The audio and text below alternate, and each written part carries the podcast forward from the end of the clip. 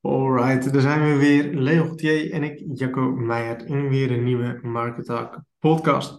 Welkom, tof dat je luistert. En deze week gaan we het hebben over hoe om te gaan met negatieve reacties. En dat kunnen zowel zijn negatieve reacties op bijvoorbeeld je blog of op je YouTube-video's of op social media, maar ook negatieve reacties van bijvoorbeeld vrienden slash familie die iets te zeggen hebben over hetgeen wat jij gaat doen. Dus bijvoorbeeld ondernemen, geld verdienen op het internet met affiliate marketing of andere verdienmodellen.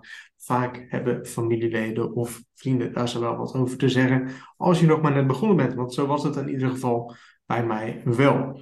Dus opnieuw zit uh, Leon weer tegenover mij, virtueel dan. En uh, ik ben benieuwd eigenlijk, Leon, had jij daar zo heel erg mee te maken met ja, negatieve reacties? Ik heb dat in het begin niet echt gehad. En misschien dat dat er ook wel mee te maken heeft dat mijn werk dan nog enigszins tastbaar is. Dat ik toch uh, ja, meer als developer, programmeur werk. En mijn baan was voorheen ook programmeur zijn, zeg maar. Alleen al vanuit loondienst. Dus toen ik volledig voor mezelf begon, uh, was het niet vreemd wat ik ging doen. Het was al wel bekend dat ik ja, dat kon, zeg maar. Maar als ik wel kijk naar, naar mijn begin, wat, wat wel heel lastig is geweest, zijn de mensen die um, heel erg op het voorzichtige zitten, zeg maar. Dus mensen die zeggen van dat moet je niet doen, want je gooit een vast contract weg en uh, je weet niet wat je hebt straks en uh, de vastigheid is er dan vanaf. En dat kan je wel heel onzeker maken. Is dat echt een negatieve reactie? Dat weet ik niet. Mensen die hebben het beste ja. met je voor. Ik denk dat het vooral een, uh, ja, een soort van zorg, zorguiting is vanuit iemand naar jou toe, zeg maar. Ja, maar bij jou scheelde, scheelde het wel een soort van. Want jij is natuurlijk wel eerst een loonist en toen ging je geld verdienen op het internet. Ja. Om het even zo, zo tastbaar te maken, ontastbaar te maken. Mm -hmm. En toen je daar zo eigenlijk net op een kruispunt mee stond, toen je zei van nee, ik, ik ga nu volledig dit doen, zeg maar. Ja. En is wel een soort van anders dan wat ook veel mensen doen die eigenlijk, en ik weet niet of dat altijd even slim is, maar die uh, nog op school zitten of een baan hebben, baan opzeggen en ja, volledig op die manier voor zichzelf gaan ja, Dus eerst nog zonder resultaten meer. Klopt, zeg maar. zonder, ja. zonder resultaten en zonder uh, dat ze geld verdienen op het internet of op een andere manier. Ja, dat, dat is inderdaad een verschil. Ik kan me ook goed voorstellen dat daar dan wel dat dat een aanleiding kan geven voor meer reactie, zeg maar. Ja. En ik denk ook dat het heel erg mens-eigen is om uh, de situatie van iemand anders te beoordelen en bekritiseren. Ik denk dat dat sowieso, uh, zeker op het moment dat je iets doet wat, wat, uh, wat niet zo tastbaar is. Kijk, die dingen op het internet, het is heel lastig te omschrijven. Op het moment dat jij iemand hebt die het vuilnis ophaalt, die heeft gewoon een drukke dag waarvan je kan zeggen dat hij bij wijze van stinkend thuis komt, omdat hij echt uh, acht uur, negen uur, weet ik veel lang, onderweg is geweest. Dus het is veel tastbaarder wat iemand, uh, wat iemand aan werkzaamheden heeft gedaan in vergelijking met ja, iets online met je laptopje en een internetverbinding. Ja. Die andere persoon heeft daadwerkelijk wat gedaan. En ja, laptopje, internetverbinding ben je eigenlijk maar een beetje aan het klooien. Tenminste, ja, je, kan niet echt, je kan niet echt omschrijven en laten zien dat je druk bent geweest, zeg Ja. maar. En ik denk dat heel veel mensen dat misschien ook gedeeltelijk een beetje als jaloezie zien. Ze denken van ja, jij kan uh, met, met een paar klikjes heb jij dat al, uh, heb je dat al voor elkaar, zeg maar. Klopt, klopt, klopt. En, ja, dat, is, dat is wel iets wat ik uh, gaandeweg meer tegenkwam, zeg maar. Dat je dan toch hoort van, ja, je hebt het toch maar makkelijk, want uh, je zit alleen maar thuis en je doet alleen maar dit. Ja.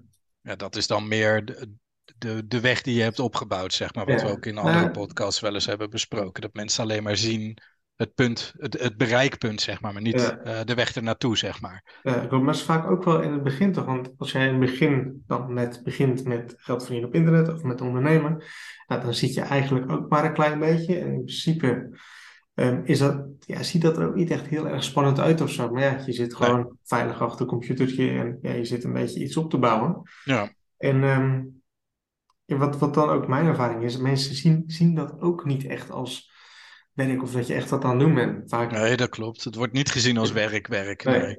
Vaak denken mensen ook dat je een beetje aan het gamen bent of, of wat anders of zo, zeg maar. Ja, En ja. dat, dat vind ik dan wel een nadeel van, van dit soort dingen. van dit soort werk, van dit soort ondernemerschap. Het is niet tastbaar. En ja, het, het, soms als, als mensen dat dan een soort van dat tegen je zeggen, weet je wel, van nou, ben jij nou een hele dagen aan het doen of een beetje daarover beginnen.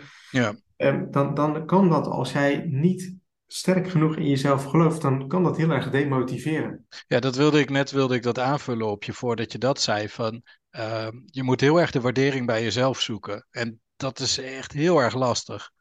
Ja. Dat, jij zal dat ook wel ervaren, dat, dan gaat het niet zozeer over negatieve reacties, maar op het moment dat jij op een verjaardag zit, uh, met vrienden, familie, wat dan ook, um, dan gaat het wel over degene die, uh, die bij de oesterputten werkt. En wel op degene die, uh, die een schildersbedrijf heeft. Maar niet over degene die een websiteje bijhoudt met wat content en daar heel veel geld mee verdient. Nee, dat is niet spannend. Het is niet tastbaar. Mensen snappen toch niet wat je doet. Dus dan wordt het ook op een gegeven moment ontweken. En eigenlijk vraagt nooit iemand van, goh, hoe gaat het nou met je werk en wat je doet? Dat, dat merk ik zelf in ieder geval wel. Ja, maar klopt. Kijk, en nu zitten wij er op het punt dat, het, dat, dat, dat je daar zo ja, goed geld mee verdient, zeg maar. Mm-hmm. Uh, maar mensen die verwachten ook van zichzelf dat het ook gewoon goed gaat. Ja. ja als, als we het over ons hebben, laten we het zo zeggen. Dat zijn ook mijn ervaringen. Er wordt niet heel vaak gevraagd van, nee, hoe gaat het? Nou, het gaat goed. Uh, Oké, okay, top. Um, maar inderdaad, wat jij zegt, als iemand dan in de oesterput werkt of schilder is of wat dan ook. Ja, het, het, is natuurlijk ook veel ander werk en het is ook veel interessanter als daar om het daarover te hebben. Ja.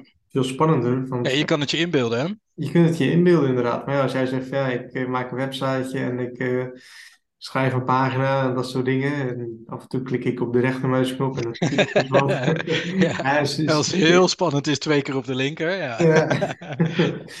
ja. is niet echt uh, ja, je van het. En dat kan het dus, vind ik in ieder geval, had ik ook heel erg in het begin, dat kan dan heel erg demotiveren.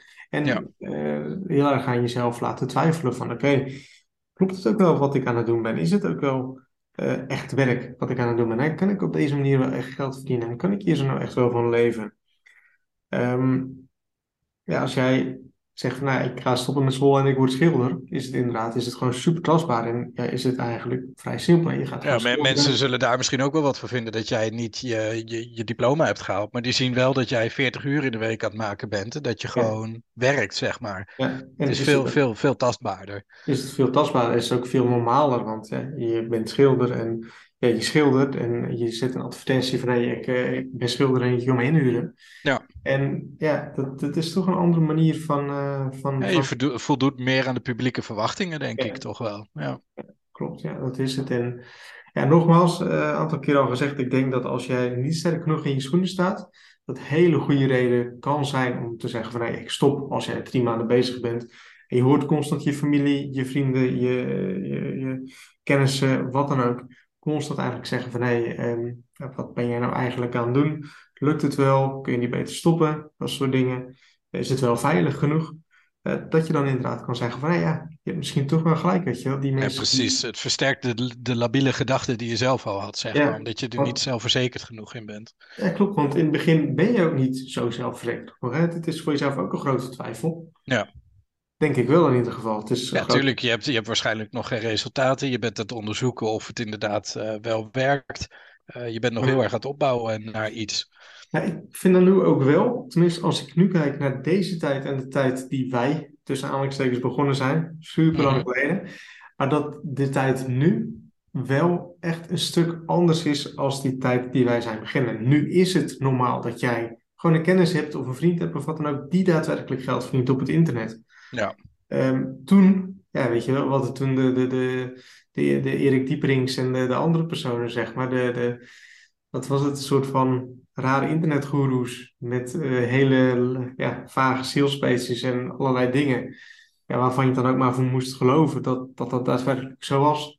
Maar je had nog niet echt ja, gatherings hè, of, of communities of wat dan ook. Nee, er waren helemaal geen, geen influencers en life coaches Nee. en dat soort dingen. En nu, ja, ontpopt iedereen zich tot, uh, tot zoiets inderdaad. Nu is het heel normaal. En dat, dat denk ik ook wel dat voor veel jonge gasten dat het ook heel erg kan schelen van uh, als jij een klein beetje gaat zoeken op internet of op Instagram of wat dan ook, dan ga je ongetwijfeld iemand tegenkomen die daadwerkelijk geld verdient op het internet of die datgene doet wat jij doet en daar ook succes mee heeft behaald en die jij gewoon kan spreken. Ja. En dat was toen in die tijd ja, eigenlijk heel erg kleinschalig dat dat, dat, dat toen was. Ja, veel minder. Dan moest je het echt, echt zelf creëren. Zorgen dat, dat in ieder geval de mensen om je heen ja, daar wel of niet achter staan. Maar net of hoe je daar zelf dan mee, mee omgaat ook. Ja. je kan natuurlijk ook zelf de gok wagen en wel uh, um, jezelf even afsluiten voor, voor die negativiteit die je eventueel terugkrijgt, zeg maar. Klopt, klopt, klopt. Ja. Nou, ik denk dat het ook heel belangrijk is om dat op die manier te kunnen, te kunnen doen. Als ik ook wel kijk van hè, naar al die reacties die je hebt gehad, uh, of het nou offline is of online is, is geweest, uh, het maakt je ook wel sterker en een stuk weerbaarder. Ja, en, en ik denk dat we ook uh, het onderwerp iets moeten gaan verleggen. Want we hebben het nu natuurlijk over starten en directe kring. Uh, maar op een gegeven moment ga je misschien ook wat te maken hebben met wat jij ook zei, uh, reacties op hetgeen dat je hebt gemaakt. Dus daadwerkelijk uh, resultaten waarop gereageerd wordt. Of misschien zelfs wel met eigen klanten waar je op een gegeven moment contact mee hebt. Dan zal je merken dat dat nog veel meer gaat worden. En dan is het heel belangrijk hoe je er zelf inderdaad voor open staat. Dat je dat niet naar een, een persoonlijk level laat, uh, laat doorlopen, als het ware. Nee, want die eerste reactie, die je zegt van familie, vrienden enzovoort, die zijn wel op persoonlijk level. Ja. Inderdaad, wat jij zegt, als je daadwerkelijk iets hebt gemaakt en je hebt resultaat en je hebt klanten en je hebt mensen die je blogs lezen of die je Instagram zoeken of wat dan ook, dan ga je daar zo ook weer haatcomments op krijgen. En dat zijn eigenlijk mensen of reacties van mensen die je vaak niet kent. Maar die misschien nog wel veel pijnlijker zijn, omdat die daadwerkelijk reageren op hetgeen wat jij hebt gemaakt. Ja, dat is ook een stuk lastiger dan moet je echt te raden gaan. Wat ik zelf voor mezelf altijd een beetje te raden ga. Ik krijg gelukkig niet veel, maar goed, een negatieve reactie heb je natuurlijk altijd. Zeker op het moment dat iemand uh, bijvoorbeeld ergens de zin niet in krijgt. Bij mij een heel vaak uh, veel voorkomend voor, voordeel is op het moment dat iemand zich te laat heeft afgemeld en er heeft een uh, verlenging plaatsgevonden en ze krijgen daardoor hun geld niet, niet terug, zoiets bijvoorbeeld merk je dat er daarna allemaal redenen bijgehaald worden. Eigenlijk was in het begin was alles goed, support was goed, het was altijd fijn. Maar op het moment dat er dan één negatief punt is, dan, dan wordt in één keer een hele eh, beertput opengetrokken. En wat ik mezelf altijd probeer na te gaan, is dat ik dan in elke negatieve reactie zal ook een kern van waarheid zitten. Dus ik probeer ook altijd te reflecteren naar mezelf. Om te kijken, oké, uh, deze reactie komt niet vanuit het niks. Kan ik hier iets mee? En als ik alle, alle scheldwoorden en alle onzin eromheen wegfilter, wat blijft er dan in de basis over? En, en zit daar een punt in? Op die manier kan je wel ja. toch ook weer aan jezelf gaan werken, zeg maar. Klopt, klopt. Ja. Soms is het natuurlijk ook gewoon dat er ook gewoon een goed punt wordt gemaakt. En um, denk ook ja, dan is het niet zozeer de manier waarop het punt gemaakt wordt, maar wel de weg ernaartoe, zeg maar. Kijk, als iemand verbaal niet zo sterk is of verbaal liever ervoor kiest om gelijk uh, te beginnen met schelden, ja, dan is het heel moeilijk om, uh, om, om te onderzoeken wat nou precies de echte zorgvraag is, zeg maar. Ja, klopt. Ja, en, en op een gegeven moment leer je daar denk ik ook steeds meer uh, formeler mee omgaan. Ik heb zelf situaties waarin iemand begint met ik haal de politie erbij en dit is oplichting en weet ik veel wat. Nou, er zijn een aantal van die triggerwoorden waar ik zelf gewoon niet blij van word. Zeker als iemand gelijk zonder enige aanleiding begint over op, oplichting en dat soort dingen.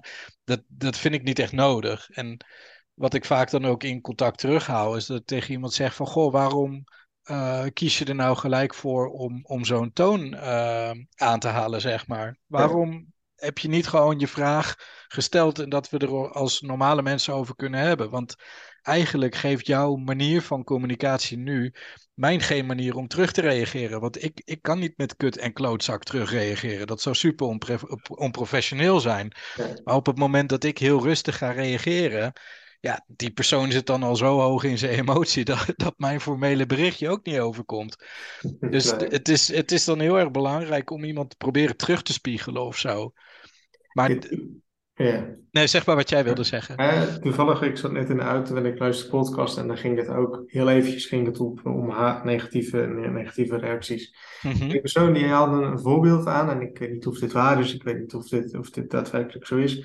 Hij haalde een voorbeeld aan van, van Peter R. Vries, die een keer op een video of ergens op iets kreeg een, een haatreactie. En vervolgens zei de speler de Vries van, hé, hey, eh, laten we die persoon gewoon eens gaan opzoeken. Ja. En eh, van, eh, dat was gewoon een anonieme reactie of zo, of iets. En nogmaals, ik heb het zelf niet gezien, dus ik kopieer even die woorden. En dus zij gingen er gewoon naartoe. En ehm, die man eh, die dat was, het, die zat zijn auto te wassen en die, die schrok heel erg. Want ja, daadwerkelijk stond daar zo'n eens Peter de Vries voor hem. En die kroop helemaal in zijn schuld uh, en uh, helemaal excuses aanbieden en alles, weet je wel. En dat, dat is dan vaak, wat ik hier zo mee wil proberen te zeggen, is vaak dan hebben mensen hele, hele haatreacties op e-mail of digitaal op wat voor manier. Maar ga je dan offline met elkaar in gesprek, dat het dan allemaal wel meevalt. Ja, dat die lading veel minder is dan dat jij ja. het hebt ontvangen eigenlijk. Klopt. En dat zie je natuurlijk ook vaak op, uh, als jij op YouTube of op wat voor website dan ook de reacties gaat lezen.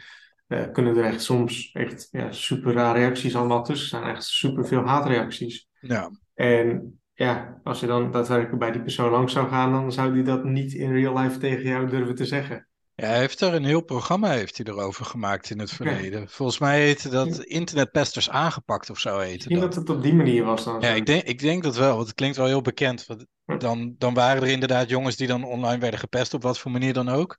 En dan, uh, dan ging hij daar naartoe om een verhaal te halen, zeg maar. Ja. Dat, dat was inderdaad, elke aflevering was gewoon best indrukwekkend. Omdat het altijd of wat jij zegt, dat het echt zo'n type is dat je denkt, gewoon zo'n zo'n normale Hollandse man die op zondag zijn auto staat te wassen. Of gewoon een, eenzelfde broekje van 11 of 12 jaar die de woorden uitgooit waarvan zijn ouders echt niet trots zouden zijn, Nee, zeg maar. precies. Ja. En ja, als je dat dan in vergelijking trekt, dan eh, ja, net wat ik wilde aanhalen. Het is heel belangrijk om zelf eh, sterk in je schoenen te staan. Dat is heel lastig en ik denk dat dat ook tijd nodig heeft en ervaring. Maar wat jij ook zegt, dat eh, de woorden die je om je hoofd geslingerd krijgt en de negativiteit. Ja, probeer het gewoon te nuanceren. Probeer er iets uit te halen. Probeer je niet mee te laten gaan in die emotie ook. Dat je niet die negativiteit eh, tot je neemt en, en je verlaagt tot die negativiteit, zeg maar. Ja, en ik denk dat je er dan alleen maar sterker uit kan, eh, kan Ja, komen. ja, je- je groeit er ook van en dat, ik denk dat dat heel belangrijk is. De eerste keer dat ik een haatreactie kreeg, nou, weet ik nog heel goed dat iemand ging haten via de e-mail. Nou, en dan neem je dat heel erg persoonlijk aan. En dat is misschien bij jou ook de eerste keer dat iemand ging haten op marketing, dat je daar echt een soort van persoonlijk van eh Ja, vond ik werd, super lastig. Ja. Ja, en dat, ja, op de duur ja, wordt het normaal. En dat is, klinkt misschien heel gek. Ik, ik heb het jou op een gegeven moment wel eens een berichtje gestuurd dat ik zei van ik krijg het nu, nu kan ik het wel een plek geven, omdat ik voor Ja. mezelf heb eh, ja, de, ervaren, maar ook echt de- dus nu weet hoe het zit, dat jij niet jezelf aangesproken moet voelen. En dat is heel makkelijk gezegd, maar op een gegeven moment bereik je wel een punt dat je zo'n filter aan kan zetten. En dat is lang niet elke dag en elk mailtje en elk bericht even makkelijk, want sommige mensen die, die kunnen heel erg precies op je trigger zitten. Maar ja, over het algemeen, als je dan eh, daar weer afstand van doet en je leest het daarna terug of zo, dan, eh, ja, dan komt dat wel goed of zo. Klopt. Ja, kijk, op den duur, eh, je gaat natuurlijk gewoon telkens meer mensen bereiken. Dus het is ook logisch dat je telkens meer mensen gaat krijgen die op jou of op je product of wat dan ook gaan lopen haten. En in het begin neem je het allemaal heel erg serieus en neem je het allemaal heel erg persoonlijk. Ja, natuurlijk moet je alles serieus nemen en professioneel opvatten. Ja, Ja, hoe normaler het wordt, hoe minder persoonlijk je het jezelf gaat aannemen. En ik denk dat dat ook een kwestie is van oefenen. En eh, ja, hoe meer het wordt, hoe meer ja, hoe meer eh, ervaring je er als het ware mee, eh, mee krijgt. en ik denk dat het ook goed is om, wat ik net al een beetje zei, om daar ook afstand van te nemen. Op het moment dat jij zo'n reactie leest of ziet of krijgt, hoef je niet direct te reageren. Sterker nog, in sommige gevallen kan je beter helemaal niet reageren. Nee, Maar probeer het ook gewoon te laten rusten. Laat iemand anders het eens lezen. En, en probeer anders rationeel op een ander moment zelf te denken. Van nou, klopt het nu wat diegene zegt? En, en hoe kunnen we dan het gesprek afvlakken, maar wel het probleem oplossen bijvoorbeeld? Of hoe kan ik hier dan weer van leren? Ik denk dat dat ook heel veel doet. Mensen ja, zijn heel snel geneigd om, om gelijk te moeten reageren of er gelijk iets mee te doen. Maar ja, er is niemand die dat per se van je verwacht natuurlijk, hè? ja, absoluut, absoluut, absoluut. Oké, Ehm, ik zit even te denken, Leon. Ik denk ja, dat we best wel wat hebben besproken nu van deze, eh, over dit onderwerp. Ja, Heb jij nog dingen die je zou willen, willen toevoegen? Nee, ik denk het niet. Ik denk dat we de meeste tips en, eh, en dingen vanuit onze ervaringen wel gegeven hebben. Ja. Ja, ik denk het ook. Kijk, het, het is natuurlijk een, een lang, of tenminste, het is, ik vind het altijd een boeiend onderwerp. Uh, ik denk dat er heel veel over verteld kan worden. Ja. Uh, maar ik denk ook iets, dat het iets is van iedereen die ervaart het op zijn eigen manier. Iedereen gaat Ja, er zeker. op zijn eigen Ja. manier mee om. En dat het ook een kwestie is van ja, aanhoren, bij wijze van spreken, erover nadenken en ook weer verder gaan. Ja, ik denk ook dat heel veel onderwerpen die wij in de podcast aanhalen, dat we dat ook doen om de reden te laten zien dat, ehm, dat, het, dat het niks is waar je uniek in bent, zeg maar. Ja, Kijk, wij hebben dat ontvangen en we weten dat andere mensen dat ook krijgen. En ik hoop dat nu mensen luisteren en denken, oh, eh, zij hebben dat ook. Dus het, is- het is helemaal niet zo gek dat je dat soort berichten krijgt. Dat dat een beetje het doel ook is van wat wij bespreken eigenlijk. ja. Ja, klopt, klopt. En ja, toch, je, je weet natuurlijk ook wel dat andere mensen het hebben, maar toch als het dan voor jezelf, hè, bij jou persoonlijk gebeurt, is het toch altijd weer uniek hè, voor jezelf. Ja, zeker. Ja. Ja. Dat, eh, want ja, ik wist ook wel van tevoren dat er superveel haatreacties zouden komen, maar toch als dan die eerste binnenkomt, doet die toch even pijn. Ja, is toch net even anders. Ja, Ja, is toch even ja, anders, is wel zo. Alright, nou goed, ehm, dan gaan we deze podcast afsluiten. Wil ik iedereen weer bedanken voor het luisteren naar deze podcast. Hebben jullie tips, ideeën voor onderwerpen? Laat het ons zeker even weten via de bekende kanalen. En dan zien we jullie weer in een volgende podcast. Nogmaals dankjewel en tot de volgende keer.